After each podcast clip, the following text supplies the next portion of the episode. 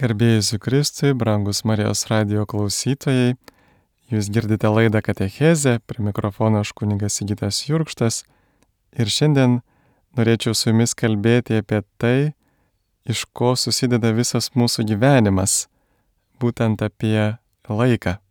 Paštalas Paulius yra rašęs laiškė feziečiams, todėl rūpestingai žiūrėkite, kaip jūs elgiatės, kad nebūtumėte tartum neišmanėliai, bet kaip išmintingi, gerai naudojantis laiką, nes dienos yra piktos. Nebūkite neprotingi, bet supraskite, kokia yra viešpaties valia. Ir nepasigerkite vinu, kuriame slypi pasileidimas, bet būkite pilni dvasios. Kalbėkite psalmių, himnų bei dvasinių gesmių žodžiais, gėdokite ir šlovinkite savo širdise viešpatį, visuomet ir už viską dėkodami Dievui Tėvui, mūsų viešpatės Jėzaus Kristaus vardu. Pakluskite vieni kitiems dėl Kristaus baimės. Laiškas Efeziečiams 5 skyrius 15-21 eilutės. Kaip tik šventasis evangelistas Matas, žinome, kad buvo apsukrus šiame pasaulyje, bet Jėzus jį pakvietė būti savo mokiniu ir palikęs žemiškus turtus, jisai rūpinosi Dievo karalystės kelbimu kaip ir visi kiti paštalai, bet jis buvo žemės žmogus, toksai, kuris pažinojo žemiškus dalykus, gerai tvarkė žemiškus reikalus ir jis galėtų mums būti taip pat pavyzdys, kaip mes galėtume gerai tvarkyti žemiškus dalykus Dievo garbiai. Štai kaip ir girdėjome šitoje ištraukoje, Paštalas Paulius mus ragina būti išmintingus, nebūti neprotingus, bet suprasti, kokia yra viešpaties valia. Jis išvardina daug įvairiausių dalykų, kas viešpačiai patinka. Visų pirma, kad gerai ir išmintingai naudotume laiką ir aišku, kad būtume dėkingi. Taigi ir gilinkimės šioje laidoje į tai, kas padeda mums išsaugoti ir gerai panaudoti tai, kas daug svarbiau už pinigus ir žemiškas vertybės būtent mūsų laiką iš kurio ir susideda mūsų gyvenimas. Kodėl naudoti laiką turėtume išmintingai? Nes, paštalas sako, dienos yra piktos. Galime prisiminti ir Jėzaus žodžius, būdėkite ir melskitės, kad nepatektumėte į pagundą dvasia ryštinga, o kūnas silpnas. Taigi mums reikia dvasios vaisių, kad nepasiduotume kūno darbams, Kaip rašo paštalas Paulius laiškė Galatams penktame skyriuje, dvasios vaisius yra meilė, džiaugsmas, ramybė, kantrybė, malonumas, gerumas, ištikimybė, romumas, susivaldymas. Tokiems dalykams nėra įstatymo, kurie yra Kristaus Jėzaus, tie nukryžiavo savo kūnus su aistromis ir geismais. Paulius kaip tik kelias eilutes prieš tai išvardina ir kūno darbus, į kuriuos įkrentame neturėdami, nenorėdami ar neskirdami laiko pasisemti Dievo dvasios. Paštalas Paulius rašo, kūno darbai žinomi. Tai ištvirkavimas, netirumas, gašlavimas, tabmeldystė, bartininkavimas, priešiškumas, nesantaika, paviduliavimas, piktumai, vaidai, nesutarimai, susiskaldimai, pavydai, girtavimai, apsirijimai ir panašus dalykai. Aš jūs įspėju, kaip jau esu įspėjęs, jog tie, kurie taip daro, nepaveldės Dievo karalystės. Galatams penktas skyrius. Taigi, Jėzus nori, kad skirtume laiko maldai ir jai skirtume pirmą vietą gyvenime. Kodėl pirmą? Viena vertus, žinome pirmąjį Dievo įsakymą, neturėk kitų dievų, tik mane vieną, reiškia ir skirk Dievui pirmą vietą, kad jis būtų brangiau ir pirmiau už viską. Bet turime ir tokį žemišką pavyzdį, kuris iliustruotų tai, jog kai neskiriame Dievui pirmos vietos, jam dažniausiai lieka paskutinė ir jisai tą laiką nebesutelpa. Kaip ir kraunant skautišką kuprinę. Skautai tokį pavyzdį kartais rodo, kad e, jeigu nori susikrauti kuprinę, nuo kokių daiktų turėtum pradėti pirmiausia. Kaip Jūs galvojate? pirmiausia pasirodo reikia pradėti nuo pačių didžiausių daiktų, nes jeigu į tą kuprinę pradėsim dėti mažus daiktelius, tuomet patys didžiausi dalykai netilps. Bet jeigu pradėsim nuo pačių didžiausių, tai mažus daiktelius mes visada galėsime ten sukaišyti, kur jiems būtų vietos. Panašiai ir su malda gyvenime, jeigu mes maldai Dievui, kuris yra pats didžiausias, neskiriame pirmos vietos, tuomet dažniausiai jam lieka tik tai kelios minutės prieš užmiegant. Tuo tarpu, jeigu rytą pasitinkame maldą, tuomet ir visą dieną galėsime Dievą atminti, e, gaivintis jo malonę, jo ramybę. Galime imti pavyzdį iš vienuolių, kurie pašvenčia savo dieną maždaug kas 3 valandas, sugrįždami pas Dievą. Žinome, liturginės valandas, net ir jų pavadinimai yra, pavyzdžiui, seksta, nona, na, pavyzdžiui, šeštoji, devintoji valanda. Ir per tas liturginės valandas tarsi visos dienos valandos pašvenčiamos Dievui. Galime netgi imti pavyzdį ir iš Šventojios Teresėlės, kuri turėjo tokį laikrodį, kuris garsiai sumuždavo valandas ir jinai visuomet, kada išgirdavo laikrodį, tuomet e, prisimindavo Dievą, susikaupdavo kažkurį laiką maldoje. Prisiminti Dievą maldoje nėra toks jau sunkus darbas, tiesą sakant, tai yra poilsis nuo darbo. Ir kaip ir darbas yra poilsis nuo maldos.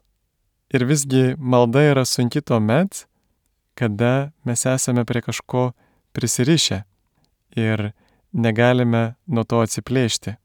Taigi sunkus yra pats atsiplėšimo procesas, o ne tai, kad ateiname pas geriausiai Dievą, pabūti jo artume ir pailsėti prie jo širdies. Taigi, poilsis mums labai padeda gyventi kasdienybėje ir atlikti savo kasdienius darbus. Yra toksai pasakojimas apie du metkirčius, kurie būdu kirto panašų kiekį plotą miško ir vienas iš jų visą laiką vis sustodavo pailsėti, o kitas kirto bet vangos norėjo kuo greičiau pabaigti darbą ir eiti namo. Jie taip darbavosi pusę dienos ir atėjo paskui ir vakaras.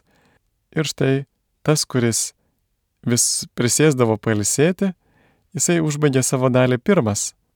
Gerokai aplenkė savo draugą ir šis labai stebėjosi, sako, aš dirbau visą dieną, niekad nesustojau ir tu pabaigai pirmas.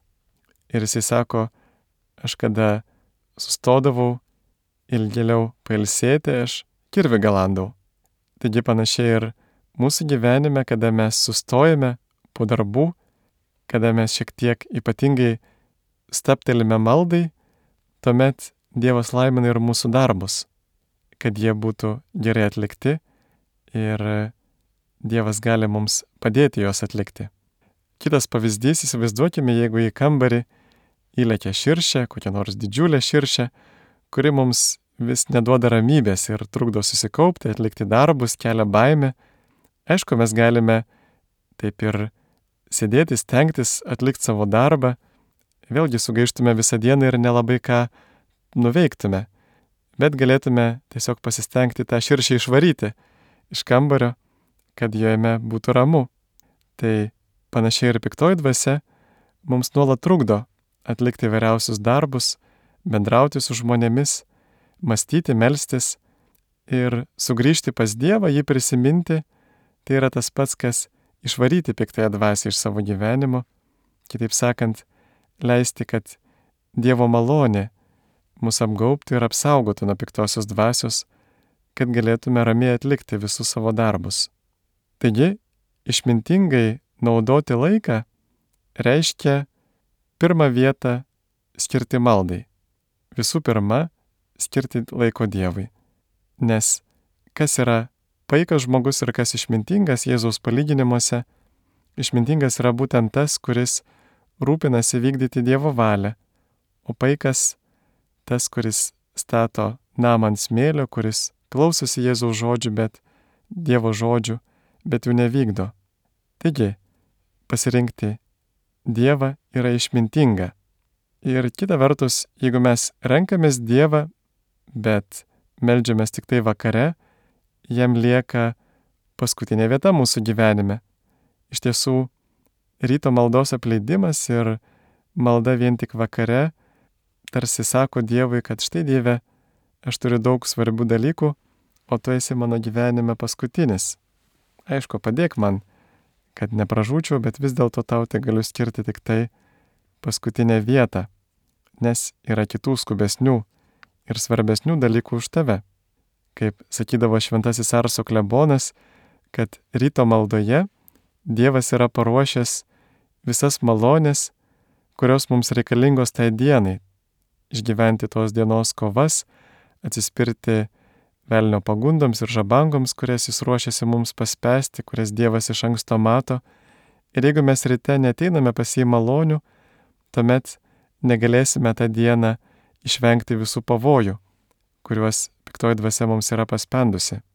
Taigi, kai jau nusprendžiame Dievui skirti pirmą vietą savo gyvenime, galime pamastyti apie tai, kaip dar galėtume išmintingai naudoti laiką. Išmintis yra ir pasistengti tą laiką panaudoti kuo geriau, jo neišvaistyti.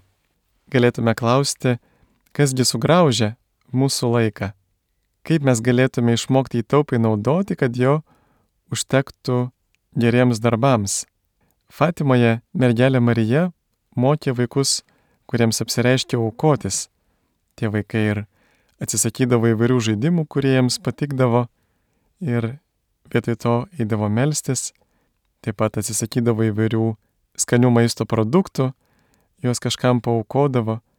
Taigi vienas iš būdų, kaip mes galėtume sutaupyti laiko geriems darbams, tai atsisakyti malonių veiklų, kurios mums patinka, bet iš esmės nieko gero neduoda, nėra mums ypatingai būtinos ir reikalingos. Netgi gali būti kenksmingos, kaip pavyzdžiui, klajoti be tikslo televizijos kanalais, tuomet mes statome savo sielą į didelį pavojų, nes tai gali nuvesti mus į pagundą, kaip prašo Šventas kryžiaus Jonas, kuo akis nemato, to širdis negeidžia.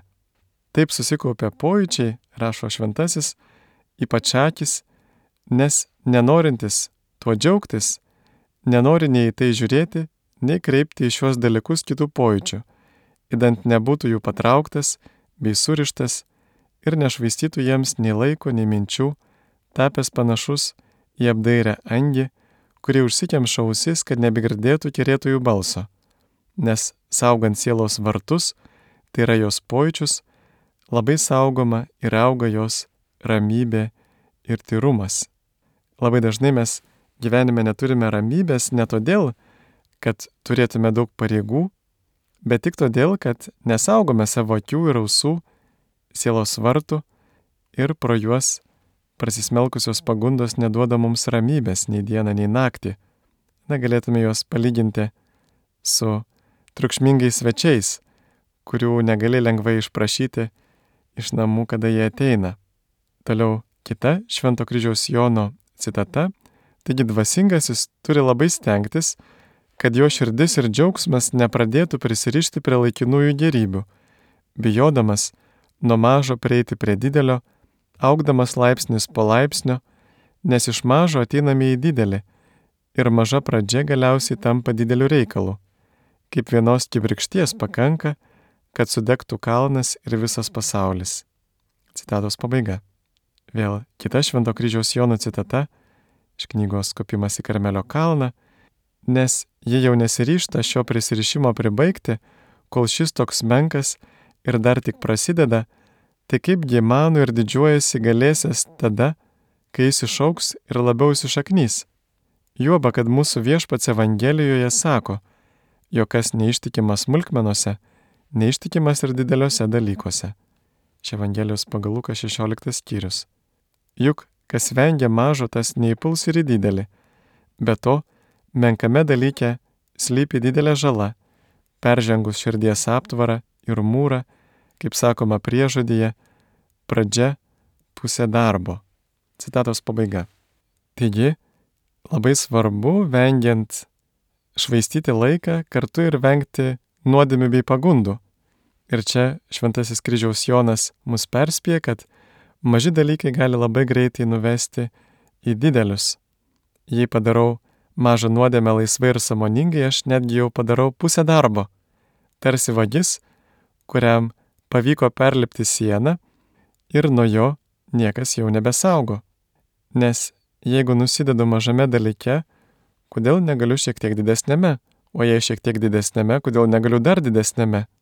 Tai lyg atsistoti ant slidaus šlaito, kuriuo ėmi čiuošti nuo kalno žemyn ir nebegali užlipti į viršų. Todėl šventame rašte ir parašyta, kas niekais laiko mažus dalykus, tas pamažu pražus. Iš Siracido knygos 19 skyriaus. Šventas kryžiaus Jonas dar mini apie tam tikras gundimo ir sielos pasidavimo pagundai pakopas. Iš pradžių pagunda pasisiūlo, paskui siela sutinka, netgi pamėgsta, prisiriša ir galiausiai atmeta Dievą, kuris trukdo nusidėti. Taigi, tam, kad išsaugotume savo laiką, visų pirma turime išsaugoti savo akis, ausis ir kitus pojūčius sielos vartus nuo nuodėmių, kurie labai greitai nuveda į vis didesnės nuodėmės ir prisirišimus. Tokioje knygoje Tavo sparnų ksmėje pranciškonas, kuris buvo Hitlerio kariuomenėje, buvo mediku, jisai liudija, kaip toji kariuomenė krikščionis vyrus, o tuo metu dauguma Hitlerio karių, kurie ateidavo į kariuomenę, dauguma Vokietijos gyventojų buvo krikščionis ir kaip jisai sugebėjo juos paskatinti tokius didelius nusikaltimus. Taigi nuo ko jisai pradėdavo, jisai ir jo bendradarbiai kariuomenės jauniems vyrams, ką tik atėjusiems, kurie dažnai būdavo krikščionis, jiems duodavo pažiūrėti pornografinių žurnalų, tam, kad jie įprastų, kad prarastų savo krikščionišką dorą, o praradę krikščionišką dorą labai greitai prarasdavo ir krikščionišką tikėjimą ir galiausiai tapdavo tinkami bet kokiems nusikaltimams prie žmoniškumą.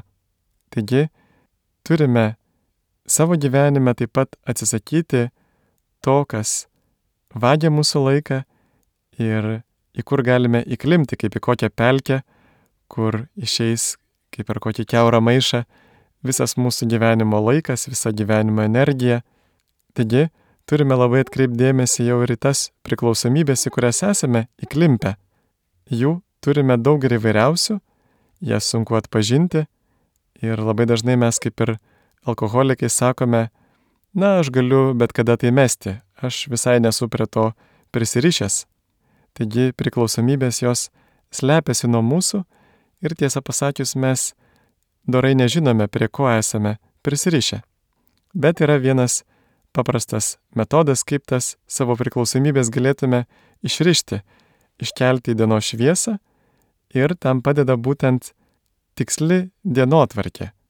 Va štai pavyzdžiui, kad ir turėdami laisvo laiko po darbo, net ir savaitgalį, pavyzdžiui, šeštadienį, mes galime pasidaryti planą, susiplanuoti įvairias savo gyvenimo tos dienos veiklas, bet jas susiplanuoti tiksliai ir stengtis pagal tą planą gyventi.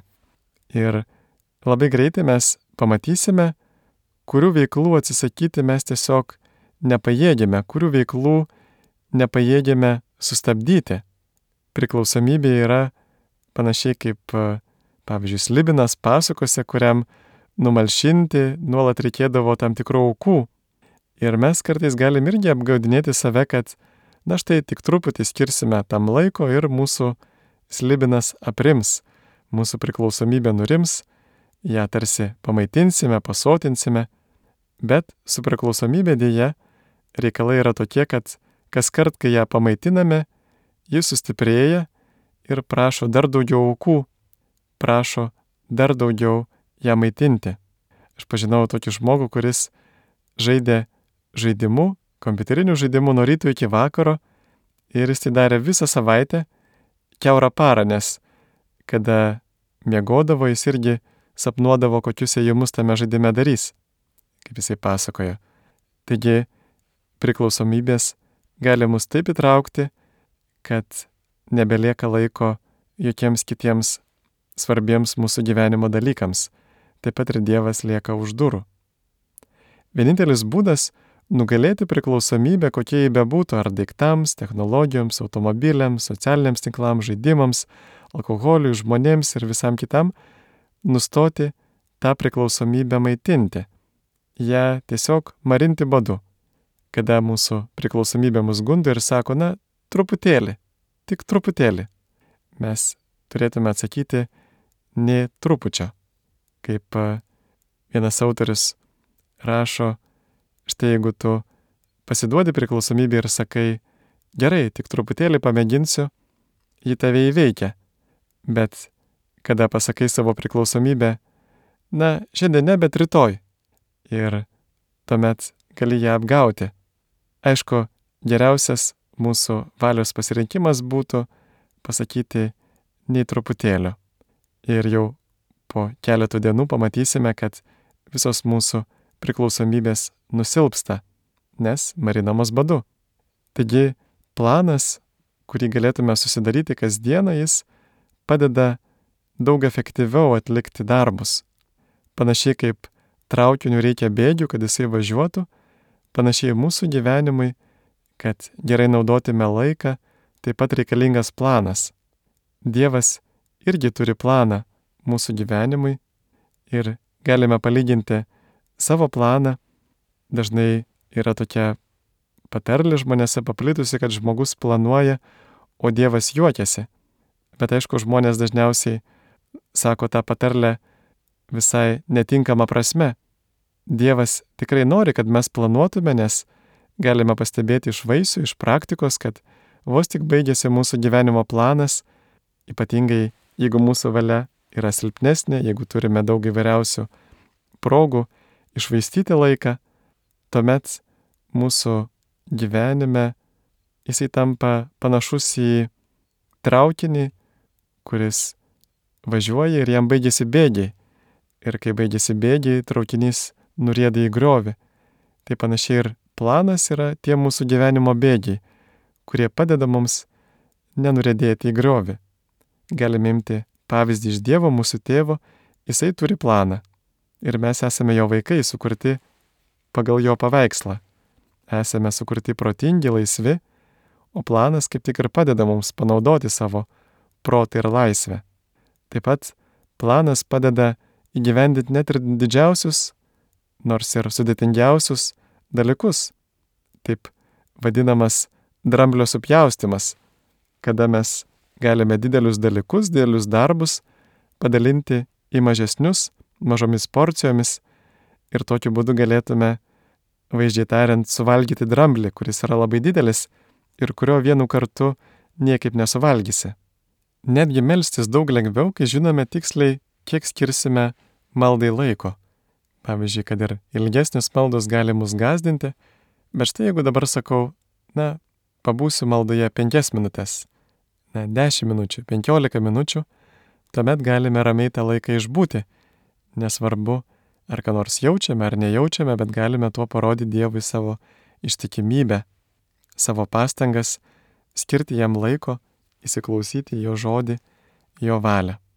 Mili Marijos radio klausytojai, jūs girdite laidą Katechezė, šiandien kalbame apie išmintingą laiko naudojimą ir galime prisiminti, kad kasdienė rutina dienotvarkė mums ypatingai padeda įtvirtinti dienoje tai, kas yra mano gyvenimas svarbiausia.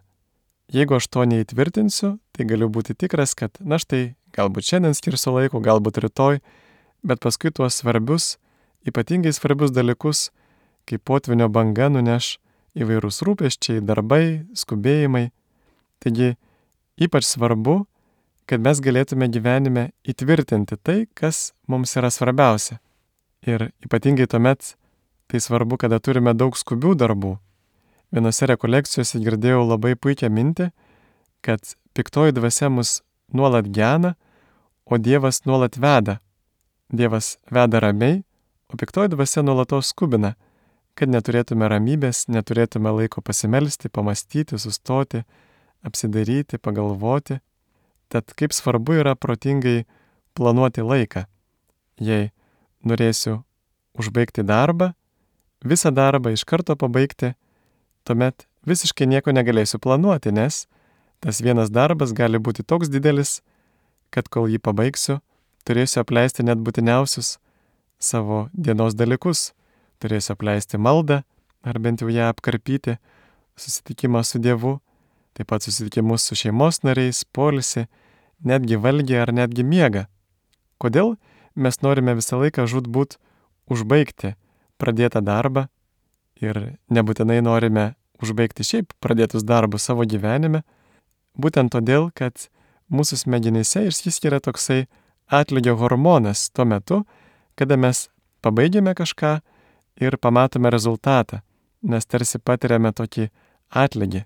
Štai Dievas mus taip išmintingai sukūrė, kad mes galėtume džiaugtis nuveiktais darbais, galėtume patirti džiaugsmą, kurį sukelia tas to hormonų išsiskirimas. Ir visgi esame pakviesti vadovautis ne tik savo jausmais, bet visų pirma savo protu.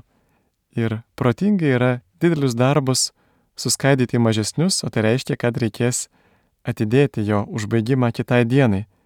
Šiandien nepavyks užbaigti, nes turiu gyvenime dar daug kitų svarbių dalykų.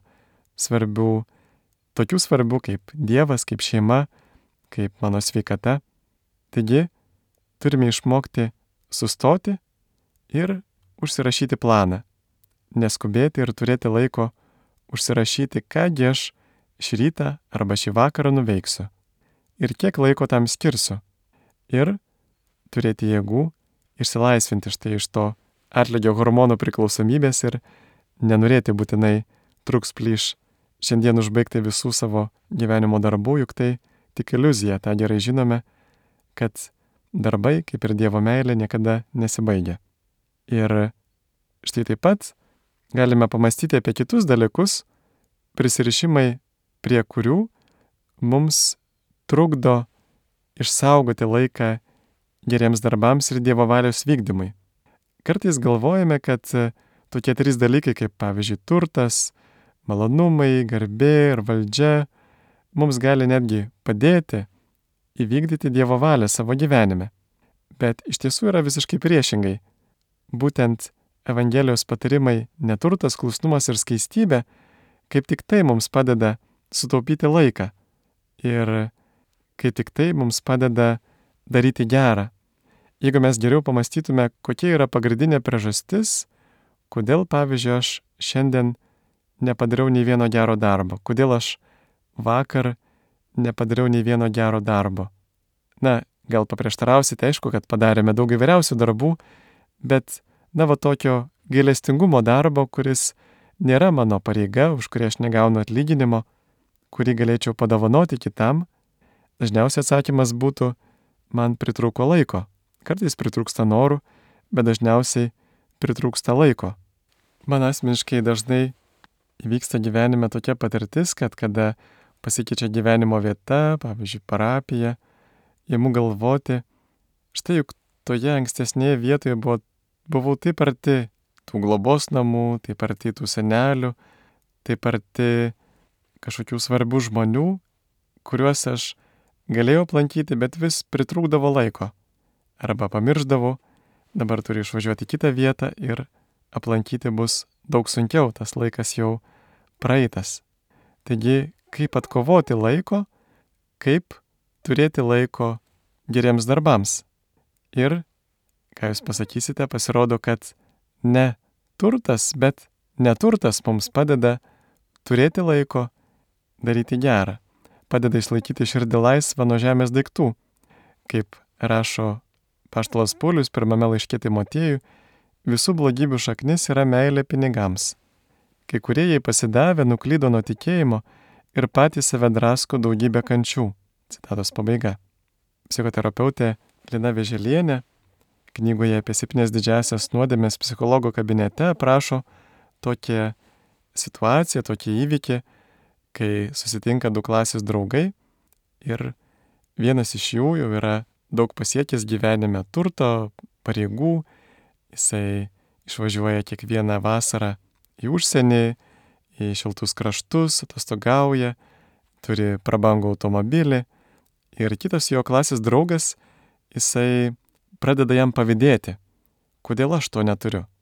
Jisai pradeda daug sunkiau dirbti, daug ilgiau pasilikti darbe, galiausiai pats susirga, susipyksta su šeimos nariais ir galiausiai nieko nebegali padaryti ir jis bandė tai padaryti iš pavydo. Taip pat esu gyvenime sutikęs tokių vardytų, kurie turėjo labai daug daiktų, juos visą laiką vežiojo iš vienos vietos į kitą.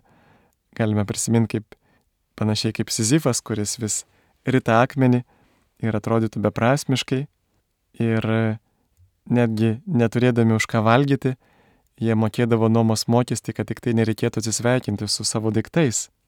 Jie sugaiždavo gausybę laiko tų daiktų tvarkymui, perkraustimui iš vienos vietos į kitą, nors niekada turbūt gyvenime jų neprireiks. Taip pat prisimenu seminarijoje mes kada turėdavome kiekvieną pusmetį persikraustyti į kitą kambarį. Ir būdavo puikia proga įsivertinti, kiek turi daiktų ir ar jie tau iš tiesų yra reikalingi, nes kiekvieną kartą reikėdavo juos persivežti. Mūsų seminarijoje buvo tokia karieta, e, na, toksai vežimas, kuris buvo toks labai senovinis su geležiniais ratais, didžiulis vežimas ir kadangi man tų daiktų vis prisikaupdavo, tai aš visą tą vežimą prisikraudavo pilną ir, ir ne vieną vežimą ir vežiodavo tos daiktus.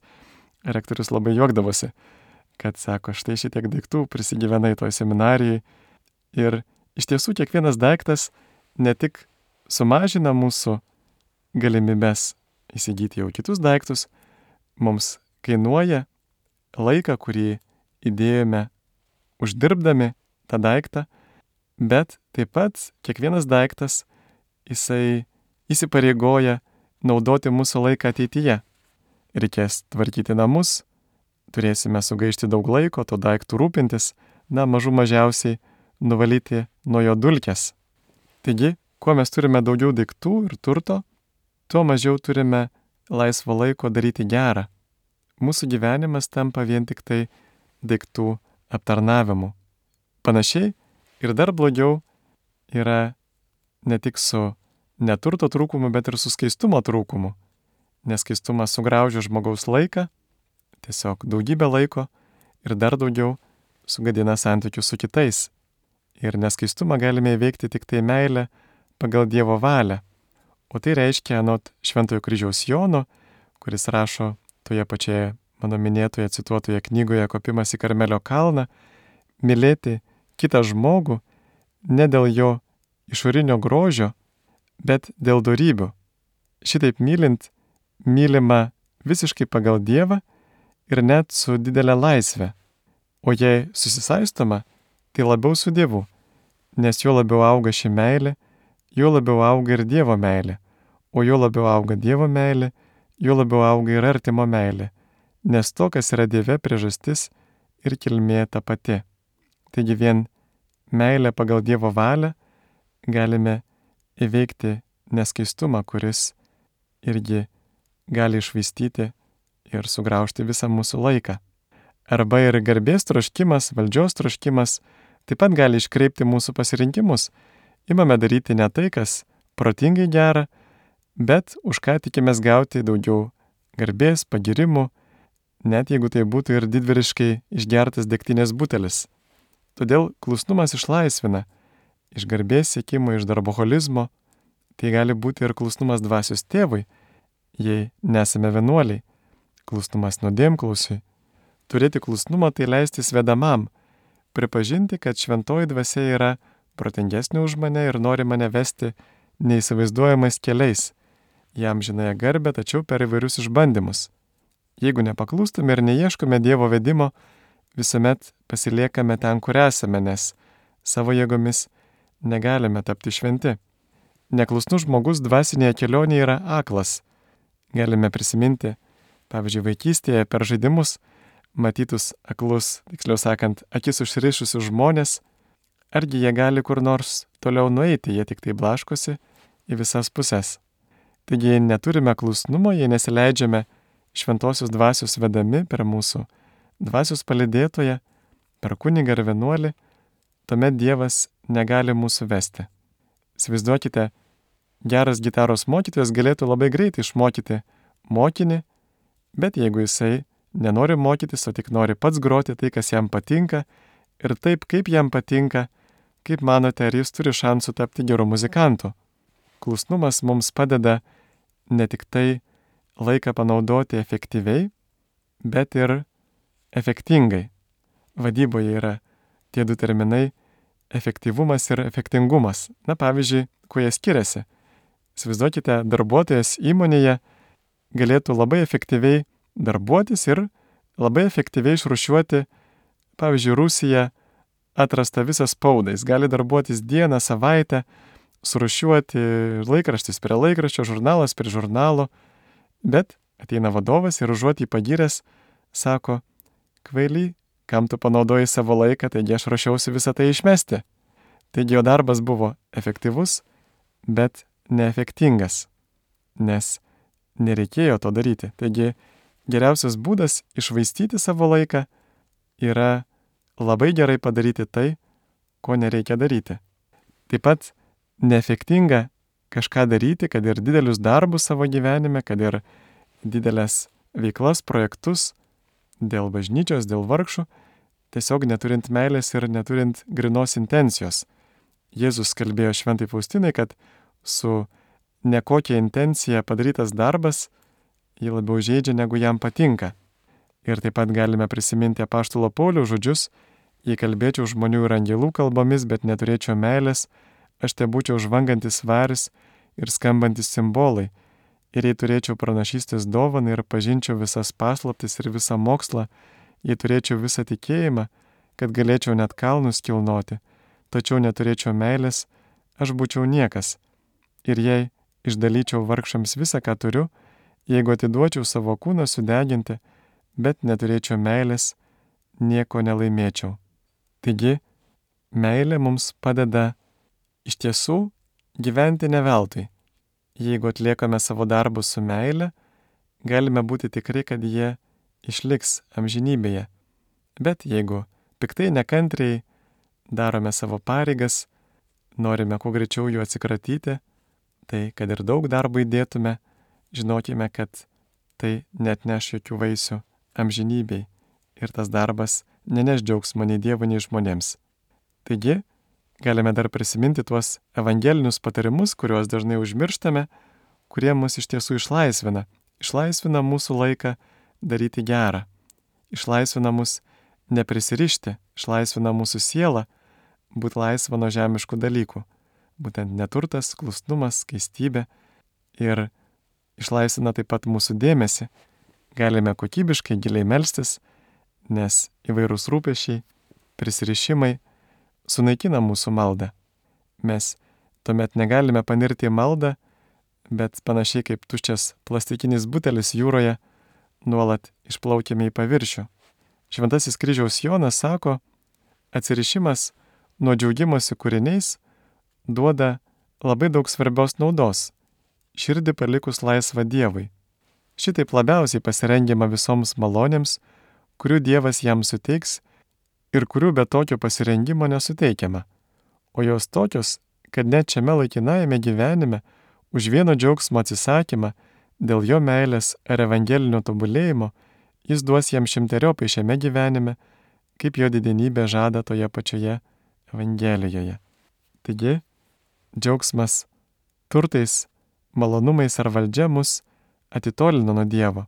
Kaip rašo tas pats šventasis kryžiaus Jonas, mūsų išganytojas sudraudė mokinius, kurie grįžo džiaugdamėsi tuo, kad išvarnėjo demonus. Jisai sakė, jūs džiaukitės ne tuo, kad dvasios jums pavaldžios, džiaukitės, kad jūsų vardai įrašyti gyvenimo knygoje. Iš Evangelijos pagal Luką 10 skyrius. Iš to galime suprasti, kad žmogus turi džiaugtis tik eidamas gyvenimo keliu tai yra darbus atlikdamas su meile. Juk kokiosgi naudos teikia ir kogi nusipelno Dievo akivaizdoje tai, kas nėra Dievo meilė.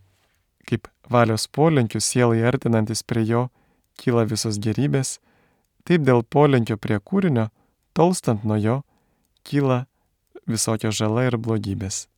Citatos pabaiga. Taigi, dar kartą prisiminkime tuos išmintingus apaštalo Paulius žodžius, kuriuos girdėjome laidos pradžioje. Laiškė fiziečiams penktame skyriuje jis sako, todėl rūpestingai žiūrėkite, kaip jūs elgiatės, kad nebūtumėte tartum neišmanėliai, bet kaip išmintingi, gerai naudojantis laiką, nes dienos yra piktos. Nebūkite neprotingi, bet supraskite, kokia yra viešpaties valia. Amen.